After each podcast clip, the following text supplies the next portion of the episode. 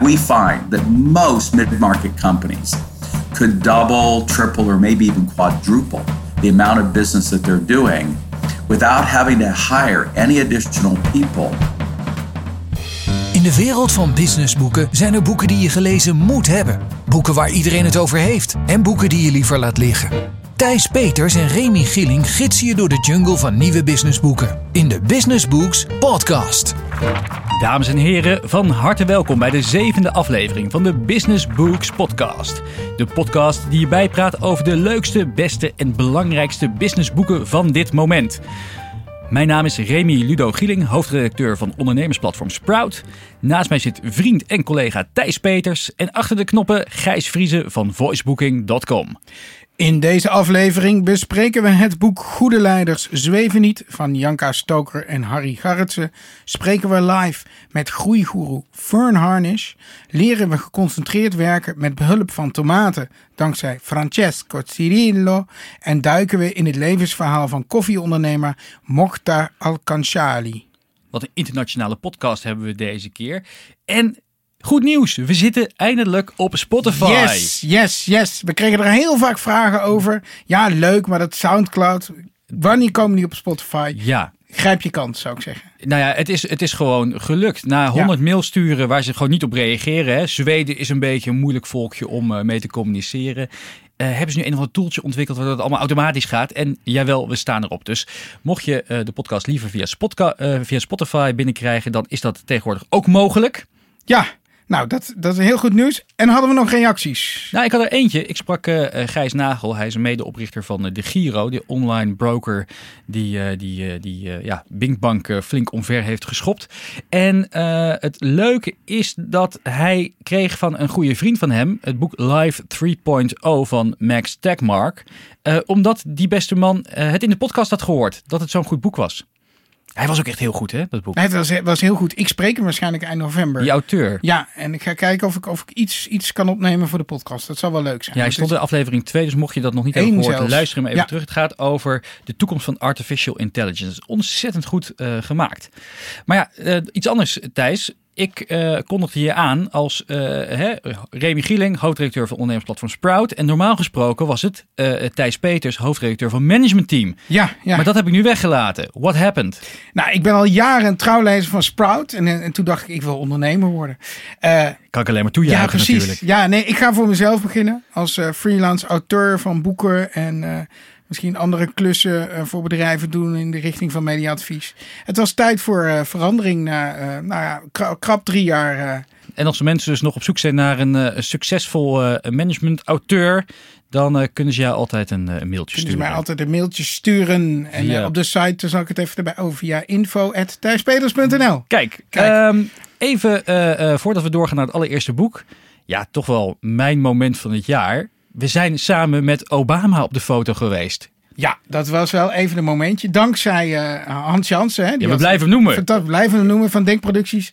Die die fantastische Forward Thinking Leadership conferentie Het was had, ook echt een heel erg ja. goed seminar. Maar goed, eventjes voor de luisteraar. Uh, die, die stonden niet op een gegeven moment in de rij uh, om, om in een soort van dolhof à la de Efteling om uh, 20 seconden met Obama op de foto te gaan. Hoe heb jij het ervaren? Nou, het grappig, ik dacht eerst van ja, moet ik dat wel doen en zo. Dacht, maar ja, ik heb het cadeau gekregen. Maar het deed me veel meer dan ik dacht. En ik snapte ook ineens waarom die man president is geworden. Hoewel dat tegenwoordig niet zulke hoge credentials voor nodig hebt. Maar, uh, Toen maar nog wel. Je voelde gewoon dat die man, hè, je hebt vier seconden met de beste man. Ja. En toch weet je het gevoel te geven, slaat de arm op je heen, dat hij er voor jou is. Hij en, kijkt je aan, hij lacht, ja. hij zegt uh, nice to meet you natuurlijk. Uh, ook wel een gekke setting, hè? want er staan dus echt nog steeds 16 uh, van, die, van die Secret Service agenten om hem heen. En ja, dan, dan loop je door zo'n zo'n zo'n zo'n doolhofje, want er zijn van 50 mensen die dan met hem op de foto mogen op zo'n op zo'n op zo'n middag. Um, en ja, dat dan, uh, de, heeft hij nog iets tegen jou gezegd? Heeft hij nog iets persoonlijks tegen jou gezegd? Uh, nee, tegen mij nice to meet you, maar tegen jou wel hè? Ja, hij heeft nog, mij nog wat Keep your eyes open. Wat levensadvies. De foto ja. moest over, want ik had mijn ogen dicht. Dus toen draaide hij naar me toe en zegt... Gotta keep your eyes open. Volgens, volgens mij was het gewoon een trucje van jou om het moment een beetje te rekken. Iets, hè? iets ja, te rekken. Iets te rekken. Maar hè, ja, die foto die hangt natuurlijk bij ons uh, beiden in huis straks. Zeker. We gaan naar het eerste boek. Goede leiders zweven niet. Van uh, Janka Stoker en Harry Gerritsen. Ja, wat zeggen de recensenten? En NRC was heel positief. Maar MT's eigen recensent, Peter van Lonkhuizen, oud-collega van mij. Uh, ja, nou echt een goede management boekenauteur zelf. Die schreef op mt.nl. Het boek is een fraaie illustratie van waarom je wetenschappers beter geen managementboeken kunt laten schrijven. Auw. Die, die is wel raak. Ja. Ben je het uh, mee eens? Nee. Helemaal niet. En ik heb Peter ook zitten. Maar uh, Janka ook. Die ken ik ook. Die wel een paar keer ontmoet en een keer geïnterviewd.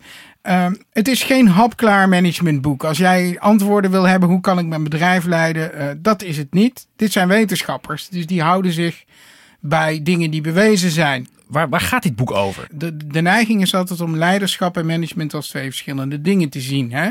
Je hebt uh, leiden, dat is de toekomst, dat is de goede dingen doen. En je hebt management, dat is de, de dingen goed doen. Dat komt volgens mij van Kotter. Ja. Uh, maar uh, Stoker en Garretsen zeggen, ja, dat is eigenlijk niet zo. Het een kan niet zonder het ander. Die twee dingen vullen elkaar aan. Uh, wat ik een heel mooi voorbeeld geef, wat ze ook mooi uitwerken, is het verschil tussen transformationeel en transactioneel leiderschap. Uh, tegenwoordig veel, wil veel mensen graag transformationeel leider zijn. Dat klinkt heel heftig. een mooi voorbeeld is Obama. Die geeft een soort vergezicht, hoop. Precies. Die geeft een punt op de horizon, daar mag je naartoe. Dat vinden mensen heel fijn. Maar je hebt ook transactionele leiders, die zijn heel praktisch. Mark Rutte, transactioneel leider. De dividendbelasting. De dividendbelasting, dan blijft Unilever hier. Stem op mij, dan krijg je 1000 euro meer te besteden. Dat je dat dan niet krijgt. Dat is een tweede. Dat is weer een, een transactie die we. Precies, die, we nooit, uh, die nooit uh, werkelijkheid is geworden. Maar uh, voor wat hoort wat, past ook wel bij Nederland.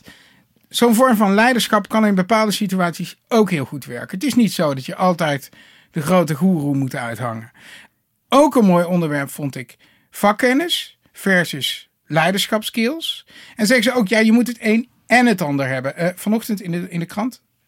Chaos bij de fiscus, bij de Belastingdienst. Nog steeds, al ja. jaren overigens. 4000 mensen nodig, want uh, het, het wordt een puinhoop. En zij laten een beetje zien, hoe komt dat nou? Op een gegeven moment is de overheid gaan zeggen, we gaan ambtenaren wisselen. De algemene bestuursdienst. En uh, als jij kunt leiding geven aan uh, het, het uh, gemeente Meppel, dan gaan we ook. Dan kun je ook defensie doen of financiën. Dat maakt allemaal geen bal uit. Dus er zat op een gegeven moment management bij die belastingdienst die geen bal van belastingen in wist. Nou, en dat hebben we geweten. Ten slotte, wat ik wel aardig vind, is dat het boek een paar mythen doorprikt. Zoals uh, dat familiebedrijven uh, niet beter worden gemanaged uh, dan andere bedrijven. Op zich ook wel logisch, want die familiebedrijven zetten altijd een of ander neefje ja. of oom of broer Precies. of zus op die plek neer. En ze hebben niet gezegd dat die persoon heel erg geschikt is voor die baan. Het is toevallig dat die in de juiste buik is opgegroeid. En je ziet trouwens ook, dat moet ik jou dan teleurstellen, hè? want jullie zijn toch ook wel van een beetje van de grote ondernemers, dat founders niet altijd de beste manager zijn. Nee, Mark Zuckerberg staat ook onder druk, hè? Nou, maar het, het, grappige is ook, er zijn verschillende onderzoeken gedaan, zeker over bedrijven in Silicon Valley die VC-geld hebben opgehaald. En in het gros van de gevallen uh, wordt onder druk van die investeerder binnen uh, een x-periode van een jaar tot twee jaar die, die, die de oprichter gewipt, omdat hij inderdaad geen leiding kan geven. Ja, maar Zuckerberg kunnen ze niet wippen, hè? wordt, dus 60% oh. van stemrecht krijgen ze er nooit meer uit. Nee, die, die, die zit tot het einde der dagen. Tenzij die dus de White House gaat ja, overnemen. Precies. Geen ondenkbare situatie naar Trump. Uh, voor wie is dit boek? Ik, ik denk voor iedereen die, die echt wel hecht aan wetenschappelijk bewijzen van dingen die hij doet. Dan is dit echt een boek voor jou. Wanneer moet je het lezen? Ik zou het kopen als je op reis gaat of zo. Het is, oh, het is op Schiphol? Heel, ja, het is ook niet zo... Schiphol bij de ACO ja. en je haalt het boek even uit de schap. En je, je, het is nou ja, misschien vier, vijf uurtjes en je hebt het uit. Eén een, retourtje Malta en je hebt het uh, Precies, ja, daar zit ik volgende week. Heerlijk. Precies. Ja, precies. Uh, uh, dus cadeautje verkopen. Gewoon kopen. Gewoon kopen, ja.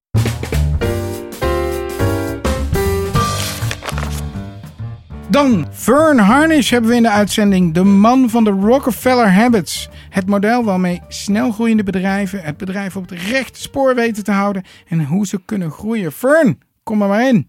Uh, Vern, thank you so much for joining us today uh, on the podcast. We're here to talk about scaling up, your, uh, your very world famous book on, on scaling companies. Can you tell the audience in a nutshell what the theory is about? Well, you know, it's interesting. We've got 11,000 startups every hour in the world. So, thanks, Remy, we are not hurting for new companies. The challenge is we're not getting enough of them to scale up. And they're the ones that really drive the jobs and the economies and the innovation. And so I look at four areas people, strategy, execution, and cash. There's some decisions you've absolutely got to get right, and there's right and wrong answers. And we've created a set of tools to help you find those answers. How do you keep the theory top of mind? Because it's it's it's quite a lot of work.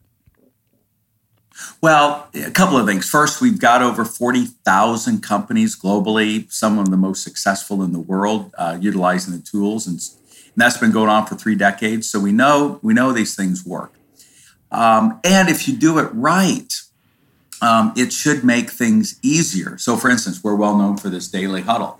And on first blush, it would seem something difficult to do, but there isn't a company in Silicon Valley that would think to operate a moment without the daily huddle. And literally, for every minute every person puts into that daily huddle, you get 10 minutes back. It's a 10 to 1 leverage point. So ultimately, uh, the reason I think these tools and ideas have endured all the way going back to John D. Rockefeller, the namesake of the original book, is that they work and they help companies drive that double cash, three times the profitability, and much greater valuations if and when they decide to sell. And, and what is the thing that companies do uh, uh, do wrong uh, when they implement your strategy? When when it they doesn't succeed? What what's the point where they're going astray? Well, I think it's a great question, and it's the main question I wanted to answer with scaling up, which is Rockefeller Habits 2.0, because the other book had been out for about a decade, and we had watched companies start, for instance, the daily huddle and then have it stop. And I wanted to understand why. And in that case, by the way, it's different for each one of our Rockefeller habits, but for that one, it's because they're just not running the daily correctly. The big issue, they're sharing generalities instead of specifics. And once we tune that up and they see how valuable it is, it tends to be a habit that they can maintain. One of the biggest problems here in the Netherlands is, uh, and I think worldwide at this at this moment, is uh, the war on talent. Uh, every company is looking for for highly ambitious, talented people, um, and people are the key in, in scaling the company. But what if you can't find these right people because uh, it's so tough to compete in this market? Boy, you're right. It's it's that market and it's everywhere. We're we're basically full employment here in the United States as well.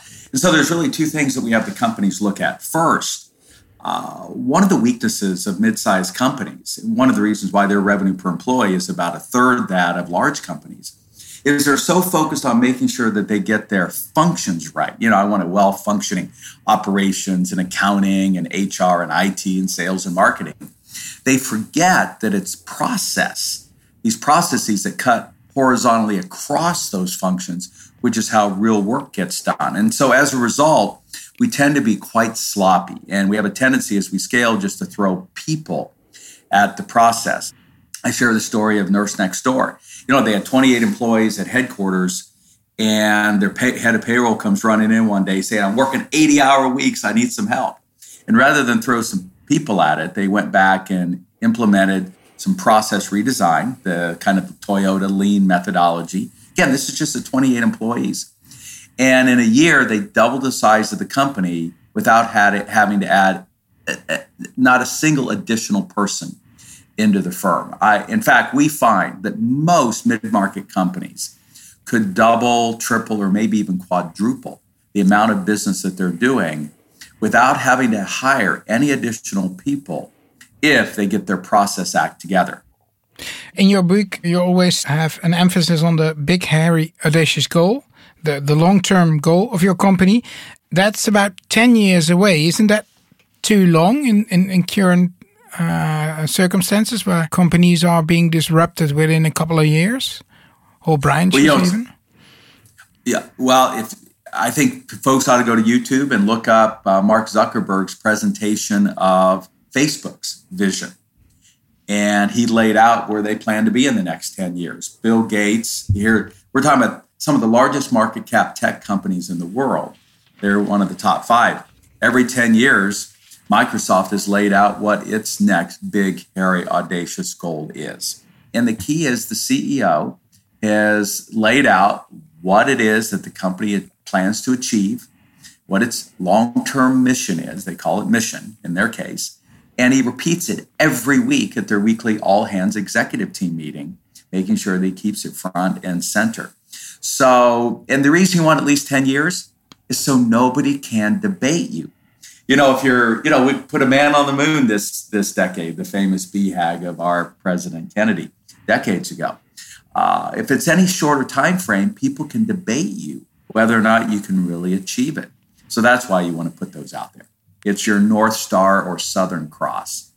And how do you connect that with the more shorter term uh, goals?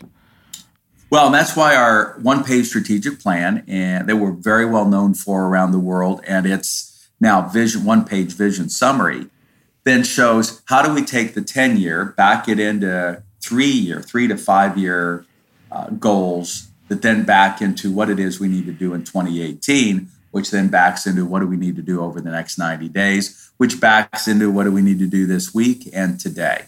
And so it's a whole cascading process, which is precisely what they do at the, the largest companies on the planet and uh, our mid market clients do around the globe.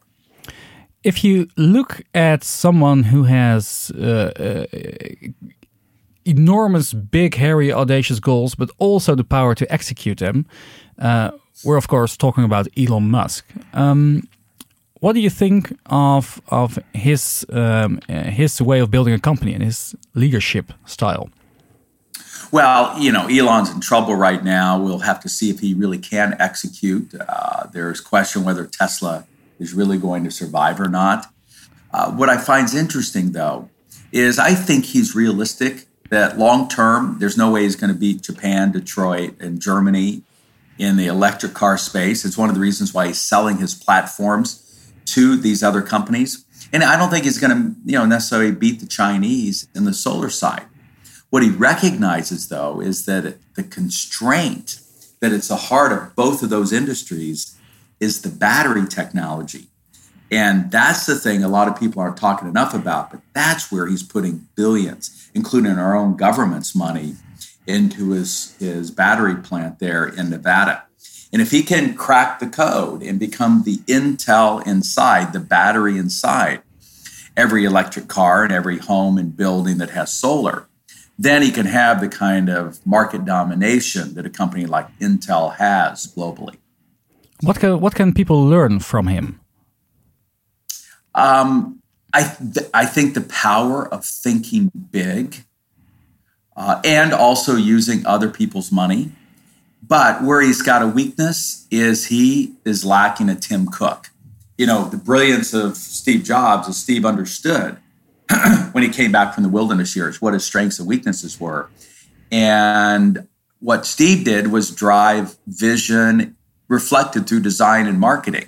He chaired the marketing meeting every Wednesday afternoon for three hours. And he had Tim Cook, the right number two that could do everything else, including make sure 10 million iPhones showed up on a Monday when it was released. And that's where Elon is, is challenged, is on the execution side.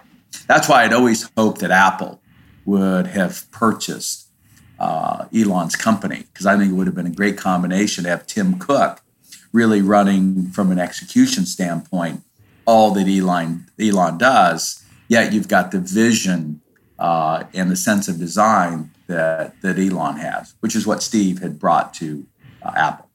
Last question. Um, there are people listening and who want to scale their business who have not yet read the book um, or did the online course. What's the first thing that they should do tomorrow morning? Uh, oh, if they haven't read it, is yeah. it's what they should do tonight is take a piece of paper out. You know, it was a piece of advice that Ivy Lee, the first coach that John D. Rockefeller, the wealthiest guy ever in the history of the planet, even wealthier than Putin, uh, you know, he hired this coach, Ivy Lee. And Ivy sat him down and said, Look, John, here's what you have to do. The night before, you make a list of the top six things you need to get accomplished tomorrow to move Standard Oil forward. And you need to put them in order. And then when you wake up the next morning, you work on number one and you don't work on number two till number one is complete. And that way you keep your priorities, you keep the main thing the main thing. And that's what John did. He had the daily routine then with his brother and his three co-founders. They'd walk to work each day and walk home. He then eventually converted that into a luncheon. The same thing that Steve Jobs did with Jonathan Ive was have lunch every day at Apple. These fundamentals of set a priority, gather the data. John D. Rockefeller the most leading edge telegraph system you could have to get data in from his oil fields. And then number three, uh, meet about it every day. Do those three things and you'll be in good shape. You'll be in better shape than you are right. Vern, thanks so much for taking the time to uh, to answer our questions. Well, you were my number one priority for today. Highly okay, appreciated. Thank you. Het is een echte grootheid in ondernemersland. Ik ken, uh, ken weinig bedrijven die uh, keihard zijn doorgegroeid zonder de methode. Uh, Rockefeller Habits of eigenlijk zijn opvolging daarvan, Scaling Up. goeie, echt serieus goede modellen die hij heeft bedacht daarvoor. Wat vonden we van Vern? Wat vonden we van het boek? Ik vind het, een heel goed boek. Hè. Dit is zoiets, het is, het is bewezen. Hè. We hadden het over wetenschap voor het boek hiervoor. Dit is gewoon in de praktijk is het door heeft het zich bewezen. honderden, duizenden bedrijven is dit gewoon uh, bewezen dat dit werkt. Maar. Twee maar, uh, twee, twee maren. Eén, uh, het, het boek is niet voor iedereen geschikt. Het is niet eigenlijk voor je start-up die nog geen product of dienst heeft, die al een, een serieus marktaandeel heeft veroverd. Ja, maar, ja, maar zelfs dan denk ik, hè, want het is ook eigenlijk niet zo geschikt voor, uh, dat klinkt niet zo aardig, maar stagnerende MKB'ers. Als, nee. als je geen groeimodel hebt, als je een beetje vastloopt in je business, dan is dit niet de manier. aan, want dan, ja, dit is alleen maar bedoeld om de groei, zeg maar. Te managen. Ja, ja. te managen. Niet om je groeimodel en, en het gaspedaal in te drukken. Het uh, tweede ding is, wat ik heel erg hoor van, uh, van bedrijven die dit in de praktijk proberen te brengen, is dat het, de theorie klopt, maar omdat het zo omvangrijk is. Uh, je, je moet aan zoveel uh, modellen uh, en, rapportages naar jezelf en naar je collega's en naar je co-founders voldoen. En je hebt voor mij gewoon een coach nodig om dit, om dit top of mind te houden in je organisatie. Wat natuurlijk voor de club van Vern weer heel, heel prettig is. The Monk of Mokka van Dave Eggers. Het klinkt al prachtig, hè? Dave Eggers. Wat, wat zeggen de recensenten allereerst? Dave Eggers' remarkable tale of Yemeni immigrant chasing the American dream offers hope in the age of Trump. From The Guardian. Guardian. And Mokhtar emerges as a confident member of two cultures, both Yemeni and American. He is more symbolic than deep. Well, isn't that American too? Mooie recensenten. En het is geschreven dus door die Dave Eggers. We kennen hem allemaal van The Circle. The Circle, hè? En hij heeft in dit geval dus geen fictieboek geschreven, maar een non-fictieboek. Een biografie van een echte man. Uh, die heette uh, Mokhtar Al-Kanzali. En het boek vertelt eigenlijk een verhaal hoe deze Mokhtar de koffiehandel in Jemen op, op de kaart heeft gezet. Want dat weten heel weinig mensen. Koffie komt oorspronkelijk uit Jemen.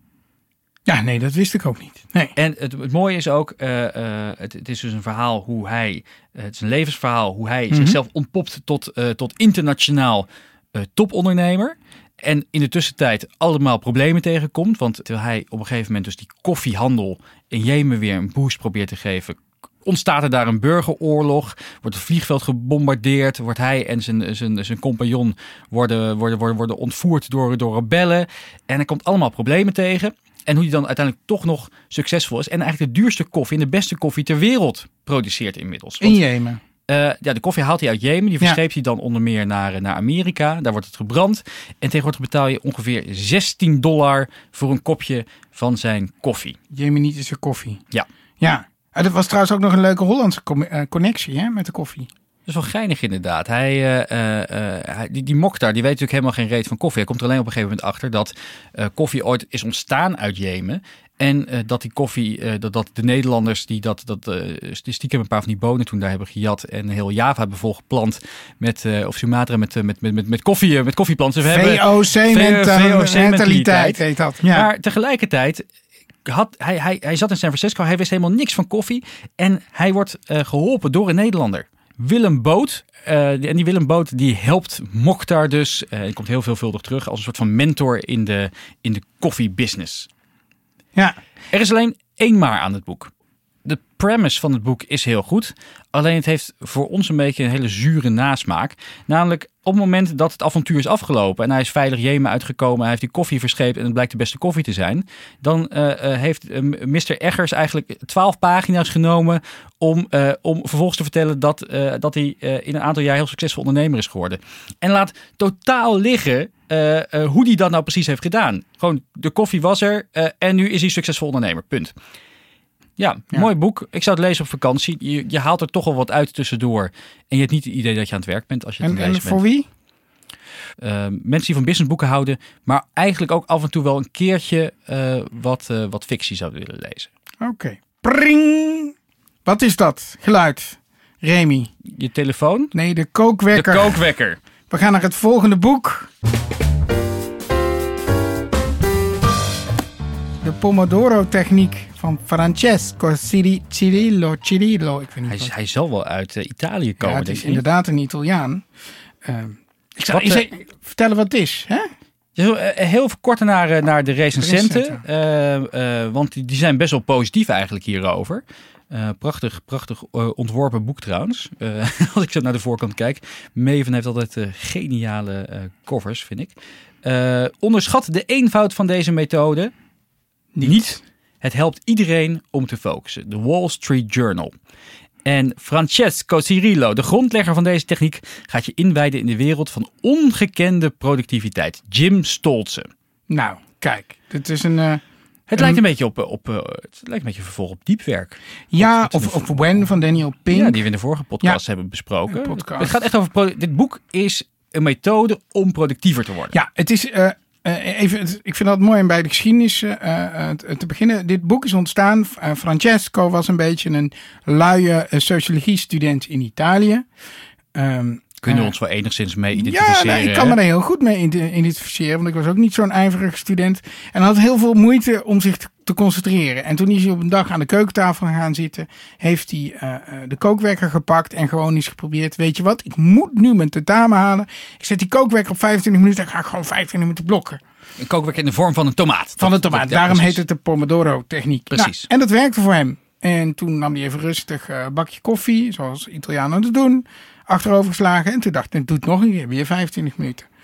Nou, uh, dat bleek voor hem te werken. En toen is hij dat uh, nou, gaan verspreiden, het evangelie. Van als je nou in kleine uh, batches van 25 minuten elke keer werkt met een korte pauze. Hè, dan krijg je veel meer werk gedaan. En hij heeft die hele methode onder ontwikkeld. En waar de basis eigenlijk een beetje is, is dat je je dag begint met plannen. plannen. Hoeveel tomaten heb ik nodig voor elke taak? Hoeveel pomodoro's? Ja, je maakt eigenlijk een, to-do-lijstje. En dan ga je kijken, ja. hoeveel, in hoeveel blokken van 25 minuten ja. kan ik dit doen? Ik heb het uh, nu drie, drie, vier dagen gedaan. En ja, het werkt eigenlijk wel.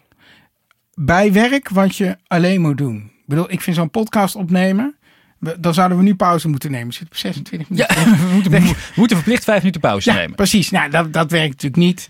Uh, het werkt vooral bij studeren, bij dingen, taken die je zelf maar wat, in je eentje kunt doen. Het, het, het, probleem is ook dat, dat uh, wat, wat hij volgens mij beschrijft in het boek, is dat, dat je heel snel door heel veel dingen wordt afgeleid. Ja. Wat, wat moet je nou doen als je uh, in zo'n Pomodoro zit van die 25 minuten geconcentreerd werken en je wordt afgeleid? Ja, dan, dan mag je een, een taakje wat je in je te binnen schiet, mag je even opschrijven. Of als iemand belt, mag je zeggen, mag je over 10 minuten terugbellen. En dan schrijf je dat ook op. En je moet even noteren van, hey, ik ben gestoord. Uh, en als je dan meteen weer doorgaat, dan is het oké. Maar uh, de basis van zijn techniek is een beetje een pomodoro. Een tomaat is ondeelbaar. Dus als je echt overschakelt op een andere taak, je neemt het telefoontje aan en je gaat in gesprek, dan vervalt je Pomodoro. Dat is toch heel vervelend. heb je, dat, voelt het niet, ja. dat voelt het niet fijn. Heb je 20 minuten geconcentreerd gewerkt en dan mag je hem niet opschrijven. Precies. Nou, ik, ik denk dat deze methode heel goed werkt. En ik zou hem bijvoorbeeld combineren met When van Daniel Pink of met diepwerk. Ja. Hè? Dan, uh, het is eigenlijk een diepwerkmethode. Ja, het is eigenlijk een ver ja. vervolg op, op diepwerk van Carl Newport. Hij is wat ouder. Voor wie is het? Uh, voor iedereen die zijn to-do-lijst nooit afkrijgt. Uh, yep. Guilty. Precies, ik ook. En voor mensen die last hebben met concentreren. Guilty. Guilty is charged. Ja, precies. Wanneer, uh, maar wanneer moeten we het lezen? Ja, uh, ik, uh, ik, ik denk dat je dit moet lezen wanneer je net een deadline hebt gemist of in paniek bent geraakt of zo. Dat is het moment dat je hier behoefte aan hebt. Dan ga je je leven veranderen met behulp van de tomaat. En ja, voor jou geldt altijd Het bad. Het bad. En jij leest Alle- altijd in alles het in bad. bad. Eh, eh, kopen, cadeautje. Eh, dit is wel een cadeautje, vind ik. Het is wel een leuk cadeautje. Ja, het is ziet er ook ziet er leuk Het is uit. echt, echt een gave het, is dik, het is dik genoeg om, om als fatsoenlijk cadeau mee, mee weg te kunnen komen. Ook Ja. al zitten er een aantal gewoon loze pagina's tussen. Ik zou er ook een kookwekker bij cadeau geven. dat is ook wel leuk. goed. En, en daar ben ik wel blij om hoor. Dat zegt Francesco in zijn boek. Francesco. Francesco, het hoeft geen tomaat te zijn. Het mag ook een andere vorm hebben. Nou, dankjewel Francesco voor deze goede tip. maar eh, nou ja, het is een leuk cadeautje. Het zit er alweer bijna op. Tips from around the web. Eh, ja, ik heb al een tijdje ben ik geabonneerd op een, eh, een nieuwsbrief van MIT. eh, Massachusetts In- eh, Institute. Institute. of Technology. Een van de meest gerenommeerde opleidingsinstituten op het gebied van artificial intelligence, digital eh, in de wereld. En die zit heel veel mooie dingen online. Ga kijken op die site. Abonneer je bijvoorbeeld op een webinars. Dan krijg je elke week mailtjes van kijk naar dit gratis webinar of dit. En dan krijg je opleidingen die in werkelijkheid tienduizenden euro's kosten. Krijg je gewoon samengevat in snippets, in kleine podcasts of in webinars. Bijvoorbeeld van Peter Weil, een van de wereldspecialisten in digitale transformatie. Die krijg je dan gewoon gratis. Ik, ik heb maar een abonnement op twee tijdschriften. Dat is Wired en de MIT Technology Review. Het kost allebei maar een paar tientjes per jaar. En het is zo goed wat die mensen Ja, maken. precies. En ik betaal mijn blauwe HBR eh, aan de Harvard Business Review. Dan, lees ik, dan leen ik die weer van jou. Ja, precies. Ehm, Wat had jij me? eh, heb jij nog tips? belangrijkste is misschien wel dat ik van. Ik, ik heb al weinig notificaties aanstaan. Maar ik Ja. heb ook mijn WhatsApp-notificaties uitgezet. En dat geeft me een rust. Ik kijk echt gewoon, eh, denk ik, eh, eh, 40% minder op mijn telefoon, omdat mijn WhatsApp-notificaties uitstaan. En heel af en toe bedenk ik me in één keer van, oh ja, WhatsApp bestaat ook nog. En dan kijk ik en dan, dan zie je de berichtjes terugkomen. Eh, en de laatste test die ik heb gedaan, is dat ik het scherm van mijn iPhone op, op grijswaarde heb gezet. Is een, een theorie. Je brein eh, is helemaal verzot op al die kleurtjes die op dat schermpje verschijnen. Ja, Eh, Candy Crush is niet voor niks met al die... hè? al de kleurtjes Ja, en, ja. effectjes. En je, in iOS kan je dus aangeven dat je alleen nog maar eh, een, je, je scherm in zwart-wit wil hebben. En de theorie daarachter is dus dan dat je brein gaat denken: wat is dit voor een saai apparaat? Ik, ik, ik voel me alsof ik in de jaren, jaren, jaren, jaren, jaren, jaren 30 leef. Eh, eh, niet meer interessant. Ik heb het een weekje geprobeerd. Jij Ja? ook? Ja, Wat vond jij ervan? ik, eh, het werkt echt. Het werkt het is enorm. doodsaai. En je merkt dus kennelijk echt onbewust dat je heel erg op die kleurtjes ja. getriggerd bent. Ik moest wel aan mijn vader denken. Die is hartstikke kleurenblind. Die heeft dit dus het probleem nooit gehad. Nou snap ik waarom je nooit terug appt. maar eh, ja, het werkt. Het is echt een goede tip. ja, jij bent zometeen een, eh, een, een vrije man, Thijs. Ik ben Je- een vrije Je man, kan joh. eh, Ja. doen met je tijd wat je wil. Alleen maar boeken lezen. Alleen Ja. maar boeken lezen en, eh, en Netflix kijken. Nou ja, in ieder geval voor de luisteraars de volgende taak. Zoek ons even op in Spotify. Zoek eens even op in Spotify. Precies. En vergeet niet als je ons een plezier wil doen om een kleine recensie achter te laten eh, in bijvoorbeeld iTunes. Want dan, eh, dat, dan, dat verspreidt het elan van de Business Books podcast. Ja, laat vooral je reacties achter. Ja, dankjewel in elk geval voor het luisteren en heel graag tot de volgende keer. Tot zover de Business Books Podcast. Meer afleveringen luisteren? Abonneer je via iTunes of Soundcloud en krijg een melding wanneer er een nieuwe aflevering live gaat. De Business Books Podcast is een uitgave van Sprout en Management Team en wordt geproduceerd door voicebooking.com.